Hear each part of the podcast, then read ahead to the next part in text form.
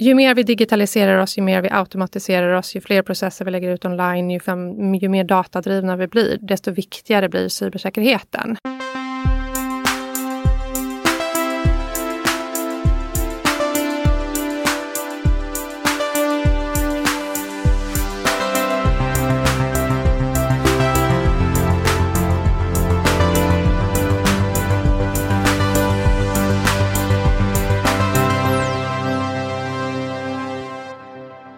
Välkommen till Heja Framtiden.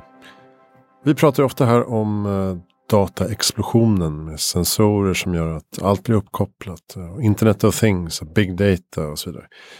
Men det är ganska sällan vi tar ett steg tillbaka och diskuterar eh, cybersäkerhet och dataintegritet. Det tänkte vi göra i dagens avsnitt. Vilken hotbild finns det för företag och privatpersoner? Och vem har egentligen användning av dessa datastölder som trots allt pågår? Vad är dark web? Vad händer där? Hur ska man tänka kring sitt eget beteende när det gäller datahantering, lösenord, trådlösa nätverk, spännande erbjudanden på mejlen från främmande länder. Förhoppningsvis blir du som privatperson eller företagsledare lite mer medveten om detta efter den här timmen. Är du politiker då kommer du inse att cybersäkerhet är en fråga som kommer kräva mer kompetens, fler utbildningsplatser och ökade resurser i framtiden. Därom tvista ingen så att säga. Vi poddar som vanligt från Helio GT30 i Stockholm. Jag älskar Helio, det kanske du också kan göra. Om du kollar in deras events så ser du en hel del som händer och eh, de har bland annat eh, Learn at Lunch som är ett roligt koncept. Gratis lunch och gratis föreläsning på samma gång. Otroligt effektivt. Warp Institute fortsätter att kämpa för att framtiden ska komma snabbare. På deras sidoprojekt warpvoyager.se postar de rapporter om framtidens utbildning, vård, arbetsmarknad samt lite artiklar om varför optimism och framtidstro är bra grejer om du behövde övertygas. Gå även med i Facebookgruppen som heter Sveriges mest optimistiska Facebookgrupp. Där är jag med och postar ibland och där händer det väldigt mycket bra och positiva saker. Vi har inlett ett samarbete med Uppsala-baserade Noden som jobbar mycket med eh, organisationsutveckling och ledarskap eh, i utbildningar, böcker, föreläsningar och så vidare. De har även ett finfint nyhetsbrev inom framtid och trendspaning som heter Noden Trender. Kjell Lindström som eh, driver Noden, han har rättat det här nyhetsbrevet sedan 2005. Det kommer på mejlen varje fredag. Korta notiser med länkar till intressant vidareläsning om man vill det. Och för oss som är lite extra intresserade av Asien så har de även en Asien-redaktör som sammanställer nyheter därifrån på engelska. Kolla in noden.se och prenumerera. Jag heter ju Christian von Essen och eh, vattnar ständigt den här prunkande buske som heter Heja Framtiden och eh, som vill bli en skog så småningom. Just nu tar jag faktiskt fram en Heja Framtiden föreläsning som utgår från alla de här insikterna som mina intervjupersoner delar med sig av. Så hör av dig om du vill boka den. Jag tror att det blir eh, top notch som man brukar säga. Kolla också in hejaframtiden.se. Dela dina favoritavsnitt med vänner. Tipsa marknadschefen om samarbetsmöjligheter med ett spännande framtidsvarumärke. Och stötta med några dollar på Patreon om du vill det. Patreon.com hejaframtiden. Alla bäckar hjälper att bilda en å. Jag ska sluta med naturreferenserna. Ja, det här är i alla fall så fruktansvärt roligt att hålla på med. Så att, eh, som ni har märkt så kör vi nu en gång i veckan och vi köttar på. Tack snälla för att du lyssnar. Ja, det var en lång utläggning. Nu kör vi Heja Framtiden om cybersäkerhet. Varsågoda.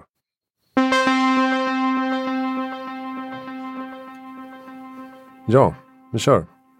Eh, välkommen till Heja Framtiden, Caroline Rundqvist. Tack snälla. Kul att vara här. Ja, vi ska prata lite cybersäkerhet och mm. sådana saker. Yes. Du är IT-säkerhetschef på PWC, mm. Stora konsult och revisionsbyrån. Mm. Och du har, även, du har även en titel som jag verkligen gillar, Financial Crime Leader. Exakt. Va, vad är ditt jobb? Vad är det du gör? Jag skulle säga att eh, 80% av min tid går åt till att hjälpa olika bolag att jobba med eh, IT-säkerhet. Eh, både proaktivt, att förbereda dem för att både så minimera risken för att man ska ha någon typ av incident. Att se till att man har bra barriärer så att man inte har några intrång. Eh, och sen går, vi även, går jag även in och hjälper bolag när liksom, skiten har träffat fläkten och de behöver hjälp att hantera mitt i krisen. Liksom. Mm. Och så leder jag ett team då på 40 personer på, på mitt jobb som jobbar med IT-säkerhet. Alltifrån liksom väldigt mycket specialister som sitter med penetrationstester, etisk hackning, strategisk IT-säkerhet och så vidare. Och varför är detta ett uh, framtidsämne? Skulle du säga? Jo, men jag tror att så här, um, ju mer vi digitaliserar oss, ju mer vi automatiserar oss, ju fler processer vi lägger ut online, ju, fler vi liksom, ju mer datadrivna vi blir, desto, mer, desto viktigare blir cybersäkerheten. Och jag tror att det blir otroligt viktigt att göra medvetna val, för att man kan inte ha så det går inte att ha 100% säkerhet på plats på alla områden, utan man måste identifiera så här, men här är våra här är våra känsliga processer, våra kritiska system för vår affär och för att kunna växa den framåt och de behöver vi skydda på ett bra sätt. Sen kanske det finns andra områden där man inte ska lägga tid och investeringar utan liksom låta det vara good enough bara. Mm. Man pratar om, om data som det nya guldet eller den nya oljan i Exakt. ekonomin. Då blir det väl ännu mer relevant för eh, tjuvar och banditer att eh, ge sig på ja, den men, tillgången. Ja men så är det ju verkligen. Och, och jag tycker det är väldigt tydligt att för varje, så här, när vi är inne och hjälper bolag, för varje app de utvecklar, för varje liksom, process de, de automatiserar, så har vi ser ju att hotaktörerna, då är de där på direkten och spanar och ser så här, okej, okay, finns det några sårbarheter här? Var skulle vi kunna ta oss in? Um, hur kan man ta sig vidare i nätverket och så vidare. Så att ju mer man automatiserar, ju mer man digitaliserar, desto mer utsatt blir man ju. Liksom. Mm. Um, och samtidigt så hittar du, jag tycker att här, det gäller att hitta en bra avvägning mellan vi ska framåt, vi ska skapa en affär som är konkurrenskraftig framåt mot att vi ska ha tillräckligt cybersäkerhet på plats. Cybersäkerheten, man måste se till att den inte fäller krokben för eller sinkar eller gör att man inte kan digitalisera sig på det sättet man måste. Mm. Och när, äh, begreppet cybersäkerhet mm. äh, används istället för IT-säkerhet, är det för att äh, det är mer än bara IT? Alltså att cyber innefattar också all handling, behandling av data och Ja men exakt. Cybersäkerhet är ju egentligen ett, ett eh, bredare begrepp än vad IT-säkerheten mm. är. Sen när det kommer till ja, men hela digitaliseringsområdet så blir ju, då är det framförallt IT-säkerheten som är på plats. Liksom, eller mm. som är nödvändig att den ska finnas på plats. Eh, cybersäkerheten är lite bredare och det innefattar ju även informationssäkerhet och så vidare. Vad är det för typ av problem dina kunder råkar ut för då, generellt? Alltså vad är det för typ av intrång och varför? Ja, men jag skulle säga att det framför... Eller dina kunder råkar förstås inte ut för detta. Eftersom de Exakt, eftersom de jobbar så himla bra proaktivt. Mm. Men när vi går in och hjälper äh, företag som har, olika, som har haft intrång eller olika typer av kriser. Då skulle jag säga att då tar, man ju, då tar sig eh, hotaktörerna in, in av två primärt två skäl skulle jag säga som vi ser idag.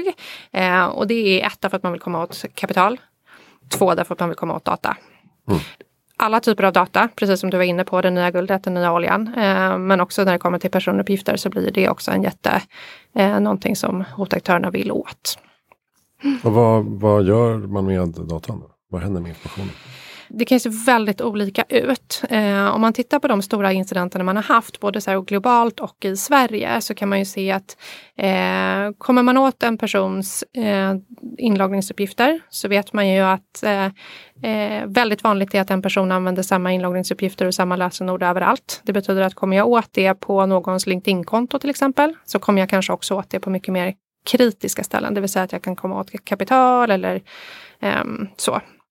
Eh, sen har man ju hela phishing-mailen och, och, där man låser data eller eh, blockerar den eller tar den, eh, tar den, håller den och säger att men du får tillbaka den och vi får så här mycket pengar av dig. Mm och det är ju ofta kritisk affärsinformation som man behöver för att kunna driva sin verksamhet.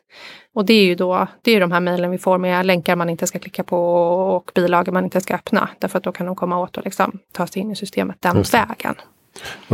Ett av de mer välkända exemplen är väl eh, dels från Sverige då Transportstyrelsen. Men eh, i USA det här Equifax som ja, du var inne på någon gång eh, 2017. Vad var, som, vad var det som hände där? Alltså sommaren 2017 så märkte man att man hade personer i nätverket som inte skulle vara där. Det man inte visste då, eh, och jag ska komma tillbaka till det, men det är så här, då hade de varit i nätverket i sex veckor utan att man hade upptäckt det. Så att, så här, att upptäcka att man har någon i nätverket, det är inte alltid skitenkelt. Liksom. Ja, Um, och Equifax är ju ett kreditupplysningsbolag. Kreditrapporteringsbolag, precis. Så deras affärsidé bygger ju på att de ska tillhandahålla, distribuera, samla in så mycket data som möjligt och väldigt mycket om privatpersoner. Då.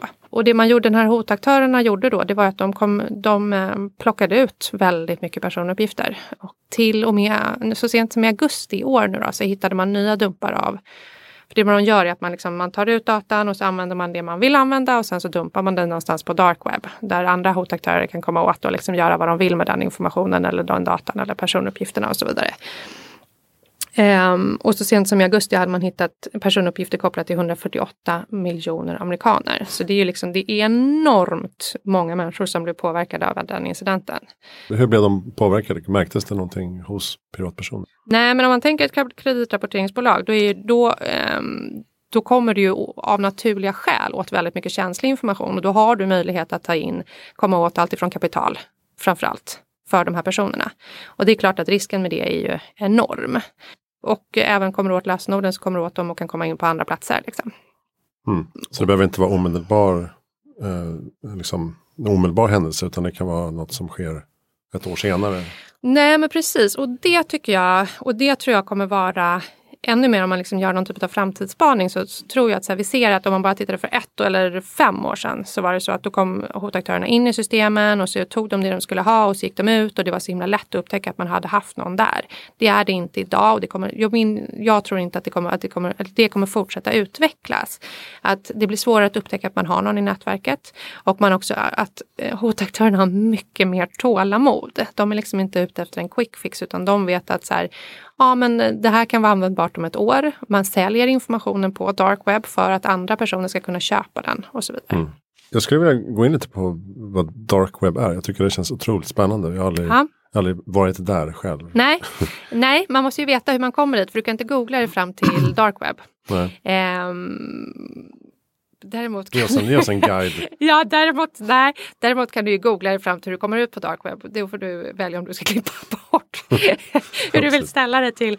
Att, att, eh, men men ehm, så här, när du går ut och googlar då kommer du åt en ganska liten del av internet. Eh, för ett par år sedan så gjorde man en uppskattning och att det handlade om så här 20% av all data som finns på internet. Sen har man ju deep web det är någonting, eh, där behöver du lösenord eller eh, behörighetsstyrning för att komma åt. Det är ofta så stora, eh, stora företagsdatabaser och så vidare. Det är en ganska stor del av internet. Okay. Och sen har du dark web som man liksom kan säga ligger under det där.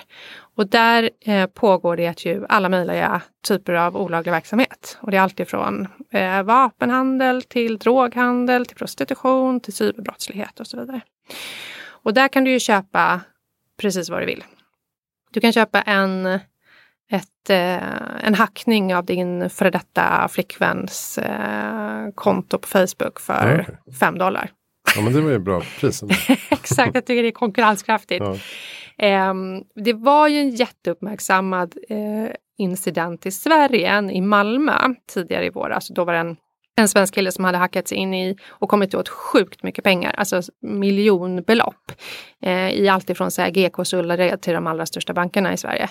Och han hade ju egentligen ingen IT-kompetens, utan det han visste är så här, han visste hur han skulle ta sig ner på dark web och han visste hur han, var han skulle köpa attackerna. Liksom.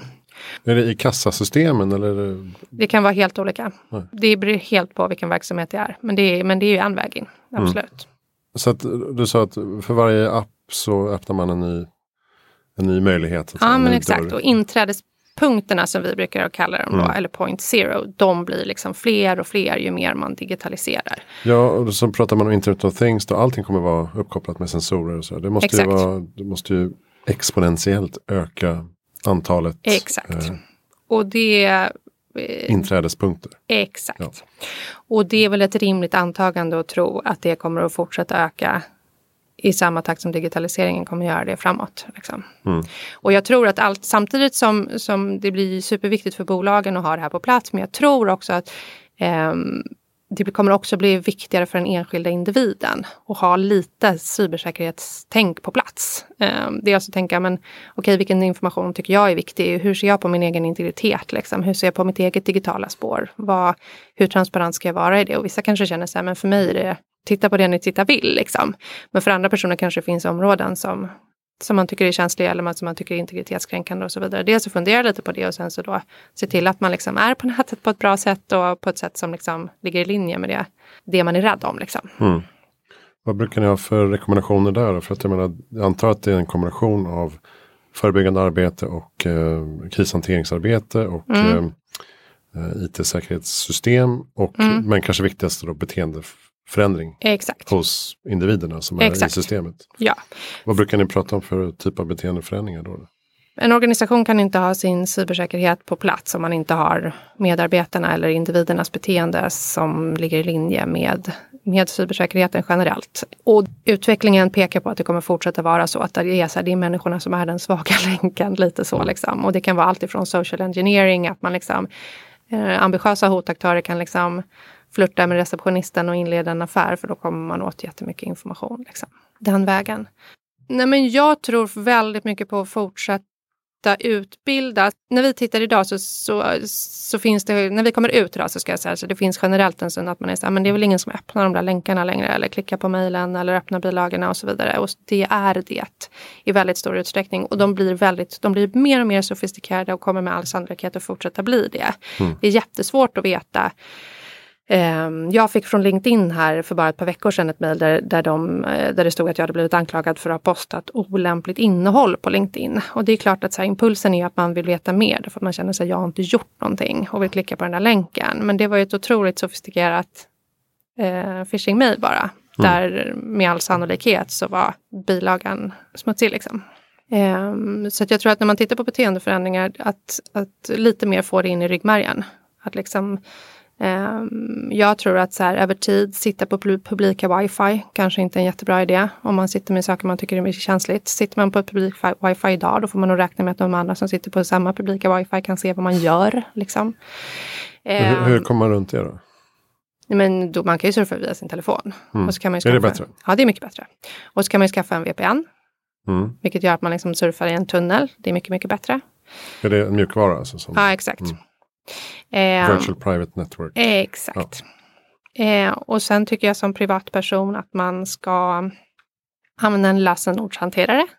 Och vi kommer, det kommer bara bli mer och mer lösenordsstyrt. Eh, och med tvåstegsauktoriseringen så kommer, ju, kommer det också att du behöver dels en pryl, men du behöver också någonting du vet, så ett lösenord. Mm. Så det kommer bli fler och fler lösenord. Använd en lösenordshanterare, de kostar typ ingenting. De är superpraktiska. Har du några bra tips, några bra exempel?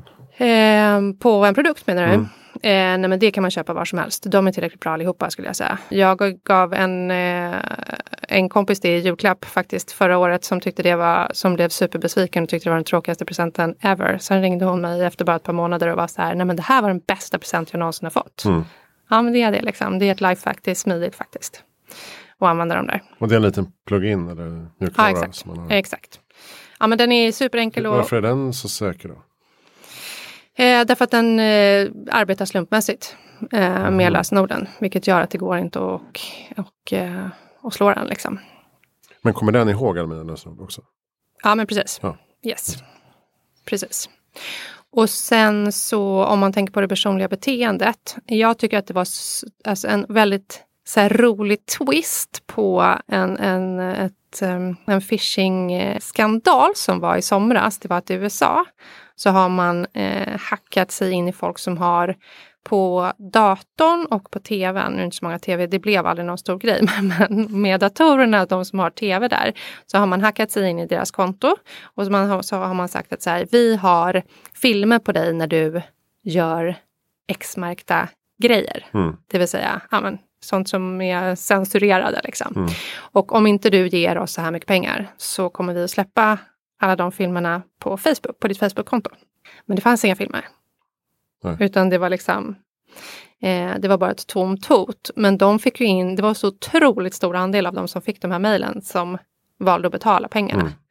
Och det gör ju också att man behöver ha lite koll på och förstå cybersäkerheten. Och, och mer och mer. Så. Och, och många pratar om att täcka för den här lilla eh, face-kameran på laptopen. Till Ja. Varför ska man göra det? Då? Ja, men det är väl ett skäl till exempel. Men där handlar det också om att så här, Jag har en sån, men, kan, men det är klart att man kan fundera sig, men ah, vill de se något så vill de se något. Jag gör inget som inte liksom Mm. sådär. Eh, Men där återigen, att så här, hur, hur tänker man kring, kring sin integritet? Tycker man att det är viktigt eller inte? Tycker man att ja, men, integritet är superviktigt för mig, jag månar om det privata, då är det, tycker jag, skaffa en sån och sätt på den. Liksom. Ett klistermärke. Exakt. Ja, men du kan ju dra en post-it på liksom. Mm. Mm. Just det, för att då i så fall då hotaktören sätter igång någon slags video Inspelning. inspelning utan att jag vet Exakt. om det då. Exakt. Mm. Ehm, och jag kan väl känna, eh, samtidigt som jag har en sån där så är det ju sådär, men ja, hur, hur farligt är det? Men där måste man ju gå till sig själv och Mm. göra den bedömningen, hur farligt man tycker Det att på det är. vad man liksom. vill göra framför datorn. Ja, men lite så. Dels vad man vill göra framför datorn och sen om man tycker att det är exakt. Ja. Ja, det finns ju ett eh, Black Mirror-avsnitt Mm. kring det där. Fast Mm. då, är det ju, då är det ju eh, rent förbjudna aktiviteter. Eller han tittar på Mm. Mm. eh, barn. Eh, Okej, pornografi Ja, eller? precis. Ja, ja, men då, precis. får, får, man an, får man ana liksom, Ja. eh, mellan raderna. Ja, okej. Eh, för att han blir så... Och så blir han, får han smsen som Mm. säger gör det här, gör det här. Och så Ja. är det en helt gäng med Ja, personer som råkar ut för samma sak. just det. I, och är superdesperata. Just det. komma ut. Mm. Och vi var inne på eh, inträdespunkter här. Jag tänkte med Internet of Things eh, och även då samhälls, eh, nytt, samhällsviktiga funktioner. Mm. Eh, vatten, elektricitet, eh, broöppningar, eh, trafik och så vidare. Mm. Och självkörande bilar och så. Det måste ju vara eh, det måste ju myllra av inträdespunkter och ganska liksom, systemkritiska Mm. eh, funktioner. Då. Mm. Hur eh, är liksom cybersäkerhetstänket tillräckligt på plats inför den här revolutionen? Eller är det mycket kvar att eh, lära? Ja, men jag tänker två saker. Dels så tror jag att här, man har ju, man är ganska duktig på att skydda sin kritiska infrastruktur idag och sen kanske den, ser an, liksom det, eh, den kritiska infrastrukturen ser lite annorlunda ut. Att det är väldigt mycket så här vägar och vatten och elektricitet och så vidare och det kommer man nog behöva förflytta. Um, i takt med utvecklingen. Sen tror jag att den förflyttningen är inte helt gjord idag utan det är ett arbete som pågår. Men sen kan ju jag även, alltså det är ju ett område, eh, det känner väl alla att eh, beroende på om man tycker att det är superhärligt eh, som jag tycker eller om man tycker att det är läskigt med liksom all utveckling som sker så, så är det ju mycket som händer och det kan ibland vara svårt att hänga med. Och så är det ju även för oss också, att hitta nya lösningar som liksom skyddar på ett effektivt sätt. Det är ju, det är klart att det är svårt. Ehm, och vi gör det bästa för att, för att hänga med hela tiden. Liksom. Mm. Och, då menar jag, och då när jag säger vi, då menar jag ja, men folk som arbetar med cybersäkerhet generellt. För det här måste ju vara ett eh, framtidsyrke tänker jag. Mm. Alltså det finns en enorm bransch som Ja. behöver stärkas. Absolut. Och det är ju eh, det är en fundering som jag har, för jag kan tycka hela ja, men liksom utbildningssystemet, om man tittar på andra länder till exempel, så är ju de, om man tittar på sig UK eller Israel som traditionellt sett av naturliga skäl är väldigt duktig på cybersäkerhet, vare, Mm. man ty- vare sig man, vad man tycker om de skälen, men de är duktiga på området.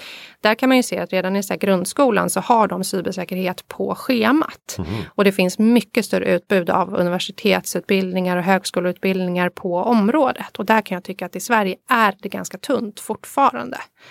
Alltså jag har ju skolbarn och det enda de lär sig det är ju så här, men så surfar du säkert på internet. Och det är ju ett jättebra första steg. Ja, men det finns väldigt mycket mer att lära och vi behöver, det, det kommer att bli ett problem. Och det ser vi ju redan idag, att det är jättesvårt att rekrytera eh, bra personer och det är arbetstagarens marknad liksom, när det kommer till den här kompetensen. Just det. Så att, eh, mer politiskt stöd och eh, Ja, lite långsikt, mer långsiktigt liksom, men utbildnings- absolut. planeringsarbete. exakt så. Och Mm. utbildningen liksom, är jätteviktig. Mm. Men där kan man också se, där kan man också se att nu skickade ju så här alla svenskar fick ju hem den här när kriget kommer eller när kriset kom, krisen kommer. Och där har man ju ändå från då myndigheten för eh, MSB, Myndigheten för samhällsskydd och beredskap. Och där är ju först, och den skickar man ju ut kontinuerligt med jämna mellanrum. Och där är ju första året som man också har tagit med cybersäkerhetsperspektivet mm. eh, i den. Det är liksom inte bara om det blir strömavbrott eller om vattnet tar slut eller om det är naturkatastrof eller om det blir krig. Utan där är även cybersäkerhet finns liksom ett kort stycke om. Och sen är den väldigt grundlig och väldigt basic men det säger ju någonting om, om vart utvecklingen är på väg. Mm. Och när man tittar på liksom de i mitt team som jobbar mer med så terroristfinansiering och den typen av verksamhet så ser man ju också att så här, men om man tittar framåt, det är inte som att så här, metoderna för terrorism kommer ju förändras jättemycket. Från att liksom spränga eller köra lastbilar på Drottninggatan i alldeles för snabb fart så kommer de med största säkerhet att bli mer och mer cyberrelaterade och det kan man också börja se lite grann idag. Liksom. Ja, det måste ju vara hyfsat enkelt att uh, utveckla AI-algoritmer uh, som kan utföra Exakt. saker. Exakt. Ta sig in. Exakt. Mm. Och då börjar man helt också det är ju det är därför man helt plötsligt har börjat, liksom begreppet etisk hackning har börjat segla upp. Därför att det blir också så mycket moraliska avväganden i det där. Liksom. Vad ska man använda det åt? Eh, ska man skydda eller ska man, ska man liksom, eh, bygga eller ska man sänka? Mm. Eh, så. Hur definierar du etisk hackning? Då? Det handlar egentligen inte så mycket om att göra etiska avväganden kring, man kan ju inte säga så här, Anonymous är, skulle inte jag säga, de jobbar inte med etisk hackning. Utan etisk hackning det är när man hjälper eh, organisationer, privatpersoner, bolag, företag att eh, hacka sig in i systemen för att tala om för dem att de här sårbarheterna har ni. Mm. Eh, och de behöver ni hacka, eller de behöver ni täppa igen. Och det kan man ju undersöka på jättemånga olika sätt. Man kan göra Red Team-övningar, man kan göra pentester, man kan jobba med etisk hackning och så vidare. Um, och det ser vi att det, det ökar ju mer och mer och mer. Den typen av efterfrågan och den typen av hjälp. Men det gör man, man i ordnade former? Så att säga. Exakt, mm. de är ju väldigt ordnade och ofta är det, det kanske inte är så att hela organisationen alltid vet om att det är på gång. Uh, men man gör det alltid med, med eh, organisationens, eh, det önskemålet kommer från dem. Mm. Du sa Red Team-övningar, vad är det? Då? Ja, men det är när man eh, försöker ta sig in eh, på väldigt många olika sätt. Dels IT-vägen, man kan också jobba med social engineering, alltifrån att man försöker ta sig in på huvudkontoret i, liksom, eh, i lokalerna till att man ringer och försöker få reda på saker om vdn, var han eller hon mm. befinner sig. Eller, och det är att man liksom försöker ja, men trycka på ömma punkter från flera olika håll och ser eh, var och när och under vilka omständigheter man lyckas ta sig igenom. Just det. Och, och pentester? Och pentester det är när man gör eh, etisk hackning och pentester ligger ju väldigt nära varandra. Pentesterna det, det är när man sätter sig och försöker ta, det är ett penetrationstest Aha. för att se att kan man komma igenom eller inte. Till exempel en brandvägg? Eller, Exakt. Mm. Eller man kan ju också pentesta en ny, så här, nu kommer den här nya appen. Kan ni pentesta den? Mm. Och då gör man det. Så man kan göra det på hela IT-miljön eller man kan göra det på utvalda delar. Och om vi återigen tittar på de länderna som ligger längre fram så, så tror jag att det går mer och mer åt att göra de här lite mer omfattande Red Team-övningarna. Pentesterna gör man just när man har liksom utvecklat kanske en ny app eller gjort någon ny process eller ett nytt system. Man, när man ska testa helheten så är det bättre att, att, testa, att provtrycka den från flera olika håll. Mm. Är um, de publika webbplatserna, de är ju per definition känsliga för virus och sådär. Mm, men mm. Eh, kan intrång göras där? Jag tänker all, många använder ju liksom väldigt eh, publikt tillgängliga CMS-verktyg som mm. Wordpress eller mm. Episerver. Och så. Där man kanske bara har ett lösenord och så har du olika webbyråer. Och. Är det krit en kritisk liksom, väg in till viktig information? Det beror ju helt på. Det är jättesvårt att ge ett, ett generiskt svar på det. Det kan ju vara det. Återigen som vi var inne på um, i början så tycker jag det måste man fundera över. Kommer man in och hur långt kan man ta sig då? Är det här en känslig plats för oss eller är det inte det? Så det är jättesvårt att ge ett, ett eh, generiskt svar på det. Mm. Um, Ni hade en undersökning när ni, där ni grottar in lite i varumärkespåverkan. Eller mm. hur varumärken hur företagens varumärke påverkas av eh, dataintrång. Ja. Eh, och det var ganska beklämmande ja. resultat. Ja. Mm, det var ju Handelshögskolan som gjorde den. Aha, okay. eh, väldigt nyligen och då tittade man på ett antal olika aktiviteter och händelser som ett bolag kunde bli utsatta för. Eh, och så frågade man 10 000 svenskar och de fick liksom grada då och poängsätta hur eh, dåligt de upplevde att det var för ett varumärke. Mm. Eh, eller hur mycket det påverkade deras syn på varumärket snarare. Och så poängsatte man dem då från en, på en skala från 0 till 100 där 0 var nej men det har ingen påverkan alls. 100 då är det liksom katastrof. Eh, bolaget får stänga igen egentligen. Och allra värst i den där studien så på 69 poäng eh, så hamnade det att, att bli associerad med barnarbete. Och män som god tvåa på 67 poäng, det är bara 2 eller 2 poängs skillnad, liksom, så hamnar ett bristande dataskydd. Och det intressanta med den studien tycker jag, det är, för, för jag som jobbar med de här frågorna, för mig förvånar inte det att, att dataskyddet, bristande dataskydd ligger, ligger så nära. Det som jag däremot tyckte var förvånande, eh, eller väldigt intressant, det var att när man tittade på återställningstiden till att gå tillbaka till normal verksamhet och liksom ett normalt varumärkesvärde, så är det mycket värre, det uppfattas mycket värre att bli, eh, det tar längre tid att återställa sig när man har blivit förknippad med att återfå förtroendet. Exakt. Så att säga. Exakt. Mm. Efter ett, när man blivit associerad med ett bristande dataskydd. Vad kan det bero på tror du? Är det för att man uh, förstår vidden av den typen av komplikationer? Eller? Ja, alltså jag tror att väldigt många svenskar när man, när man tittar på det också, de är väldigt måna om sin integritet. Och eh, om man ska generalisera så kan man säga att svenskar gillar att dela, men man gillar inte att delas. Alltså man mm. vill gärna lägga ut en bild på Instagram eller liksom när man så här gullar med en hundvalp eller när man har gjort något framträdande. Men man, vill ha, man upplever att man, man vill inte att andra ska dela information om en, så man vill känna att man har kontroll på det. Och det där är väl en sån grej att man, att man känner att men det står utanför min kontroll. Jag har lämnat in information någonstans där jag känner att där jag litar på att de ska förvalta det väl. Eh, och så gör man inte det. Och då är det en känsla mm. att, ja, men vad är, och, och också en känsla av att man inte vet exakt vad som finns där ute. Och man förstår kanske inte om det här finns där ute, vad betyder det att de, man kan göra då? Så jag tror att det hänger ihop med, med en känsla av bristande kontroll och kunskap. Jag kan ibland förvånas över att inte intrång och eh, hacking sker oftare.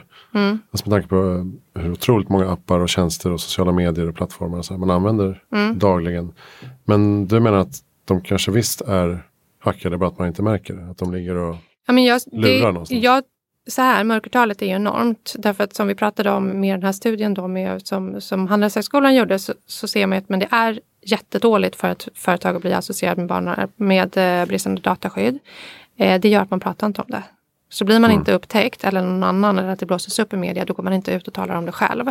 Eh, nu har ju ny lagstiftning, GDPR, eh, kommit som gör att ja, men då måste man meddela de enskilda individerna om man har någon typ av incident. Men tidigare har det inte mm. funkat så, utan då har man ju kunnat göra, har man haft någonting så har man bara kunnat liksom lägga locket på. Och sen så tror jag också att det sker fler intrång än vad bolagen själva vet om. Att man har personer som är där och, och bevakar. Just det. Och, och jag som privatperson märker inte det. Nej, absolut inte. Nej det gör det ju inte. Och nu ska du få, eh, det finns en sida som en kille eller en man som har jobbat med cybersäkerhet i alla, alla år och har ett förflutet inom amerikanska försvaret och sådär. Som har satt upp en sida, han har liksom samlat, varit ute på dark web och samlat in så mycket sådana här personuppgiftsdatadumpar som han bara har kommit över och så har han satt ihop det i en jättedatabas. Och så har han skapat en webbsida som heter I, uh, I have been uh, P, uh, PW-owned, alltså jag har blivit hackad då. Mm. Där kan man gå in och kolla, det är superkul. Så kan man skriva in sina mejladresser och, och, andra personuppgifter och då får man upp de träffarna. Så jag var inne och jag brukar gå in och kolla nyligen och har blivit, eh, ja, men, mina personuppgifter har kommit på vift både via Dropbox och LinkedIn och de där mm. stora drakarna. Liksom. Så det är ett tips att gå in och kolla det. Eh, om man är lite nördig på I have been PW owned. Alltså ägt. O-W-N-E-D. Yes. Okej. Okay. Vad betyder PW? Password. Ah, password. Okej. Okay. Ja, det, det är väldigt bra. Ja, det är ett kul alltså, tips faktiskt. Vad ska man göra åt om man hittar lite, lite så, om man känner att har man varit, då tycker jag man ska byta lösenord. Ehm, så. Om man ser att det har varit någonting nyligen. Men, om jag ska vara helt ärlig så såg jag att de stora som har varit kopplat till mitt eget, de hade faktiskt några år på nacken. Mm. Ehm, men sen är jag duktig på lösenordshantering och allt det där också å andra sidan. Så att, men eh, tips till dig och lyssnarna. Mm. Och så skaffa en lösenordshanterare. Yes. Och då googlar vi på lösenordshanterare? Ja, eller? men password protection. password protection. Eh, så får man upp jättemånga bra träffar. Man behöver inte köpa någonting dyrt och flådigt. Man kan ta en rimlig och bra variant. Just. Uh, om man är liksom i startupvärlden då och ger sig in i fintech till exempel. Mm. Um, du pratade med på Finansdagen Mm. i 2018. Mm. Um, och sa att finansbranschens kunder är nästan mest utsatta. Mm.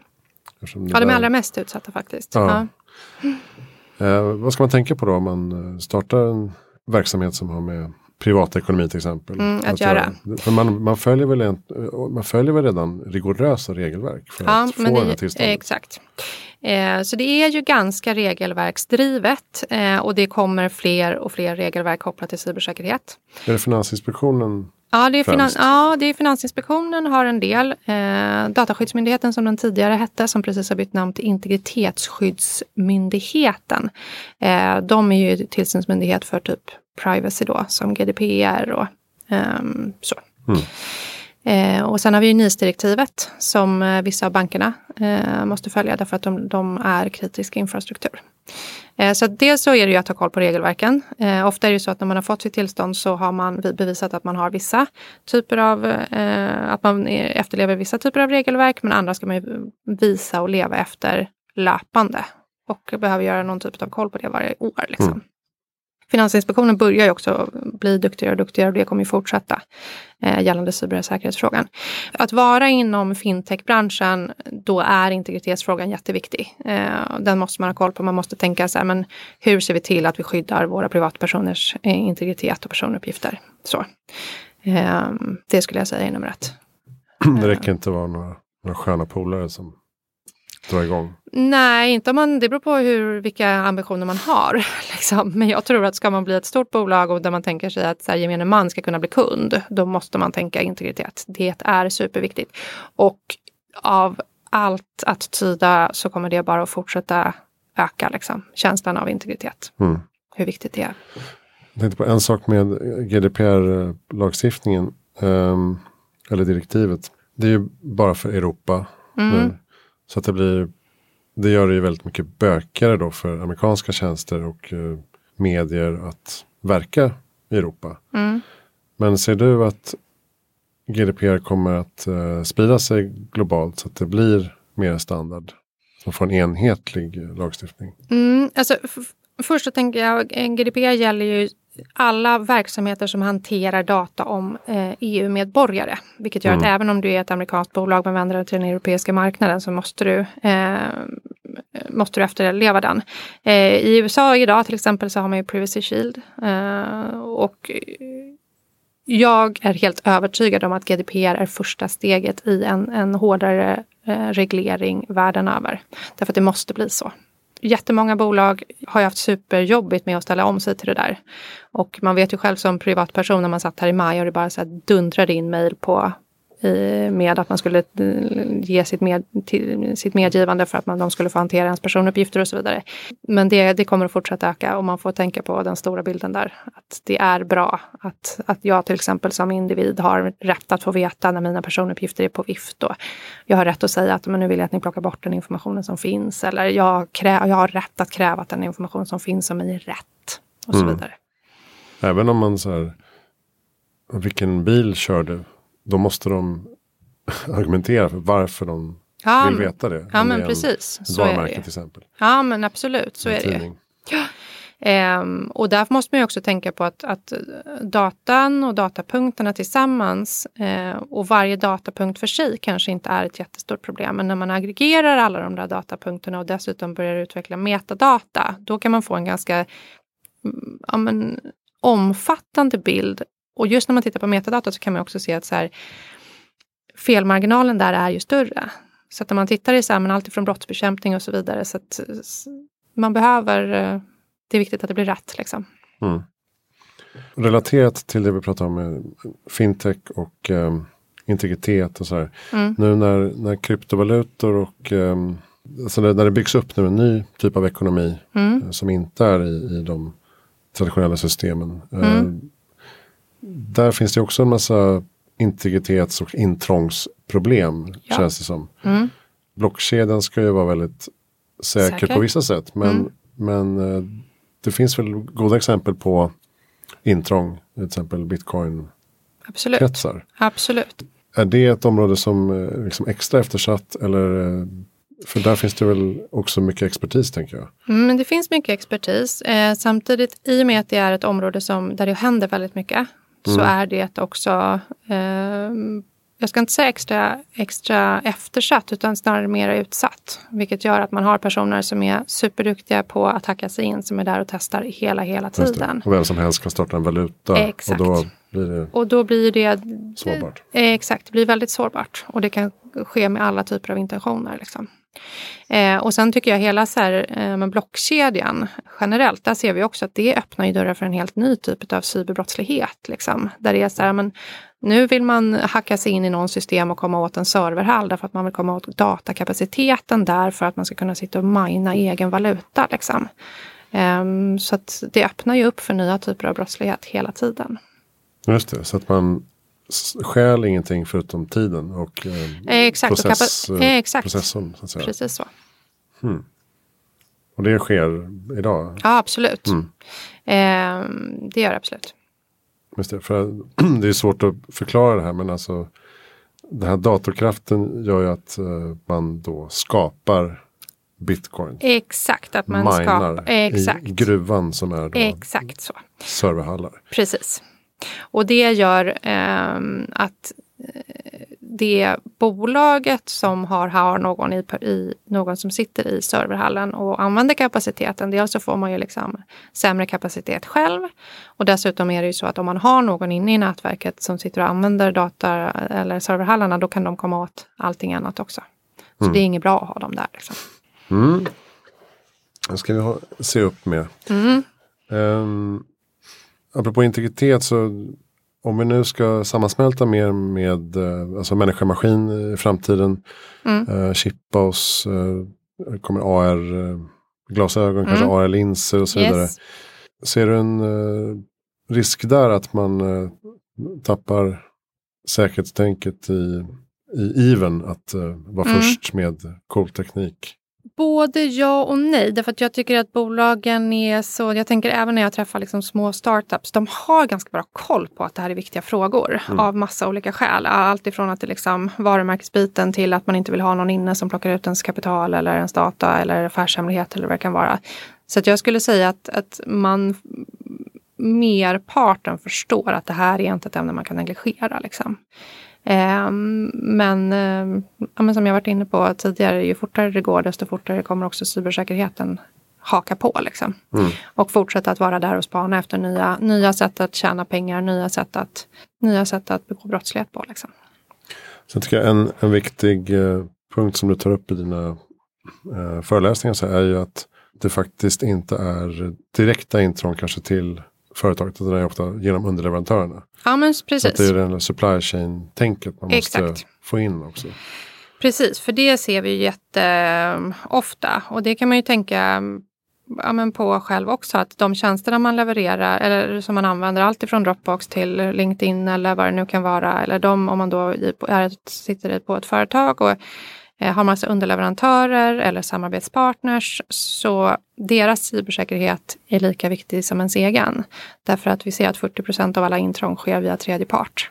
Eh, så att man tar sig in långt, någonstans långt ut eh, i grenen och så tar man sig in hela vägen till moderbolaget eller till kärnverksamheten och då, för man vet att de flesta investeringarna sker centralt. Liksom. Och att sårbarheten ofta finns långt ute i grenarna. Då liksom är det väldigt lönsamt och effektivt att försöka ta sig in den vägen.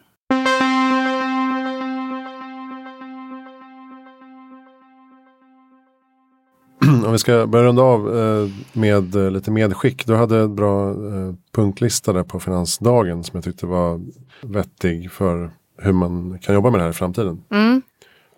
Ska vi dra den lite käckt? Ja men absolut. Ehm, den första delen är väl att arbeta proaktivt ehm, med sin incident och krishantering. Extremt få organisationer eller verksamheter eller, eller privatpersoner är bra på att hantera kriser av naturen. Att sätta upp processer för hur man ska göra det eller rutiner för hur man ska göra det är viktigt.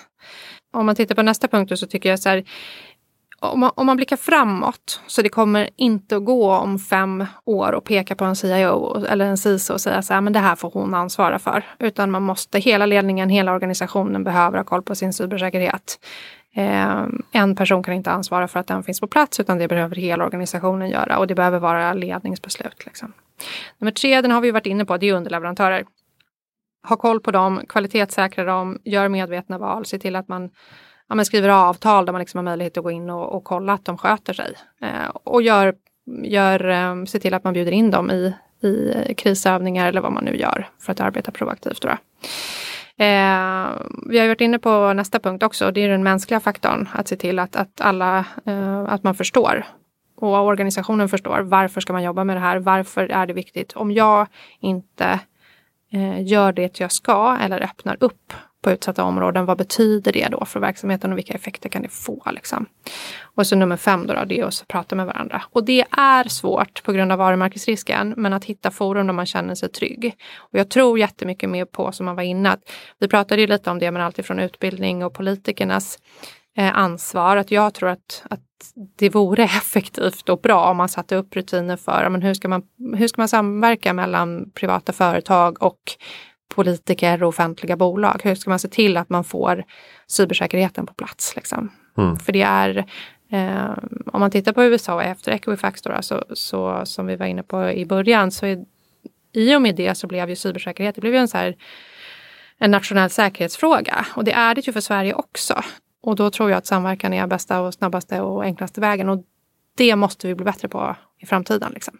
Innebär det också att man måste kräva ytterligare transparens då när det faktiskt händer, när det sker incidenter? Ja. Eh, så att man kan lära varandra och inte exakt. bara så här, sopa under mattan, ja, krishantera. Ja men precis, så är det ju. Och, och eh, väldigt många, många människor är jävligt lessa på, lessa på GDPR. Liksom. Mm. Men man måste komma ihåg att så här, ja, tanken är god och det kommer från det kommer resultera i någonting bra och det ger en ju ökade möjligheter att ha koll på liksom, ja, men att jag ska kunna få veta, men har min bank blivit hackad och mina uppgifter är på, på vift eller eh, information om mig är på vift så har jag rätt att få veta det och det, känner, det måste man ju, det gissar jag att många, precis som jag, känner att det är en bra sak. Mm. Just det. En fast punkt som jag tyckte vore kul. Vad är ditt bästa tips för eh, en bättre värld? Kanske inom det här området, jag vet inte. Ja, jag tänker brett då. Och så tänker jag så här, eh, ingen kan göra allt men alla kan göra något. Mm. Eh, och om alla bara gjorde en grej som man kände så här, det här kommer bidra till en, till en uh, bättre värld så skulle uh, jättestora saker hända. Och det behöver, kan ju absolut vara på det här området men det kan också vara så här ja, men var god man åt ett ensamkommande flyktingbarn eller bestämde för att jobba med personer med funktionsnedsättning eller vad det nu kan vara. Gör en grej. Om alla gör en grej då är vi så jäkla långt på väg. Liksom. Mm. Ja. Har du något eh, lästips eller länktips i det här området som vi pratar om?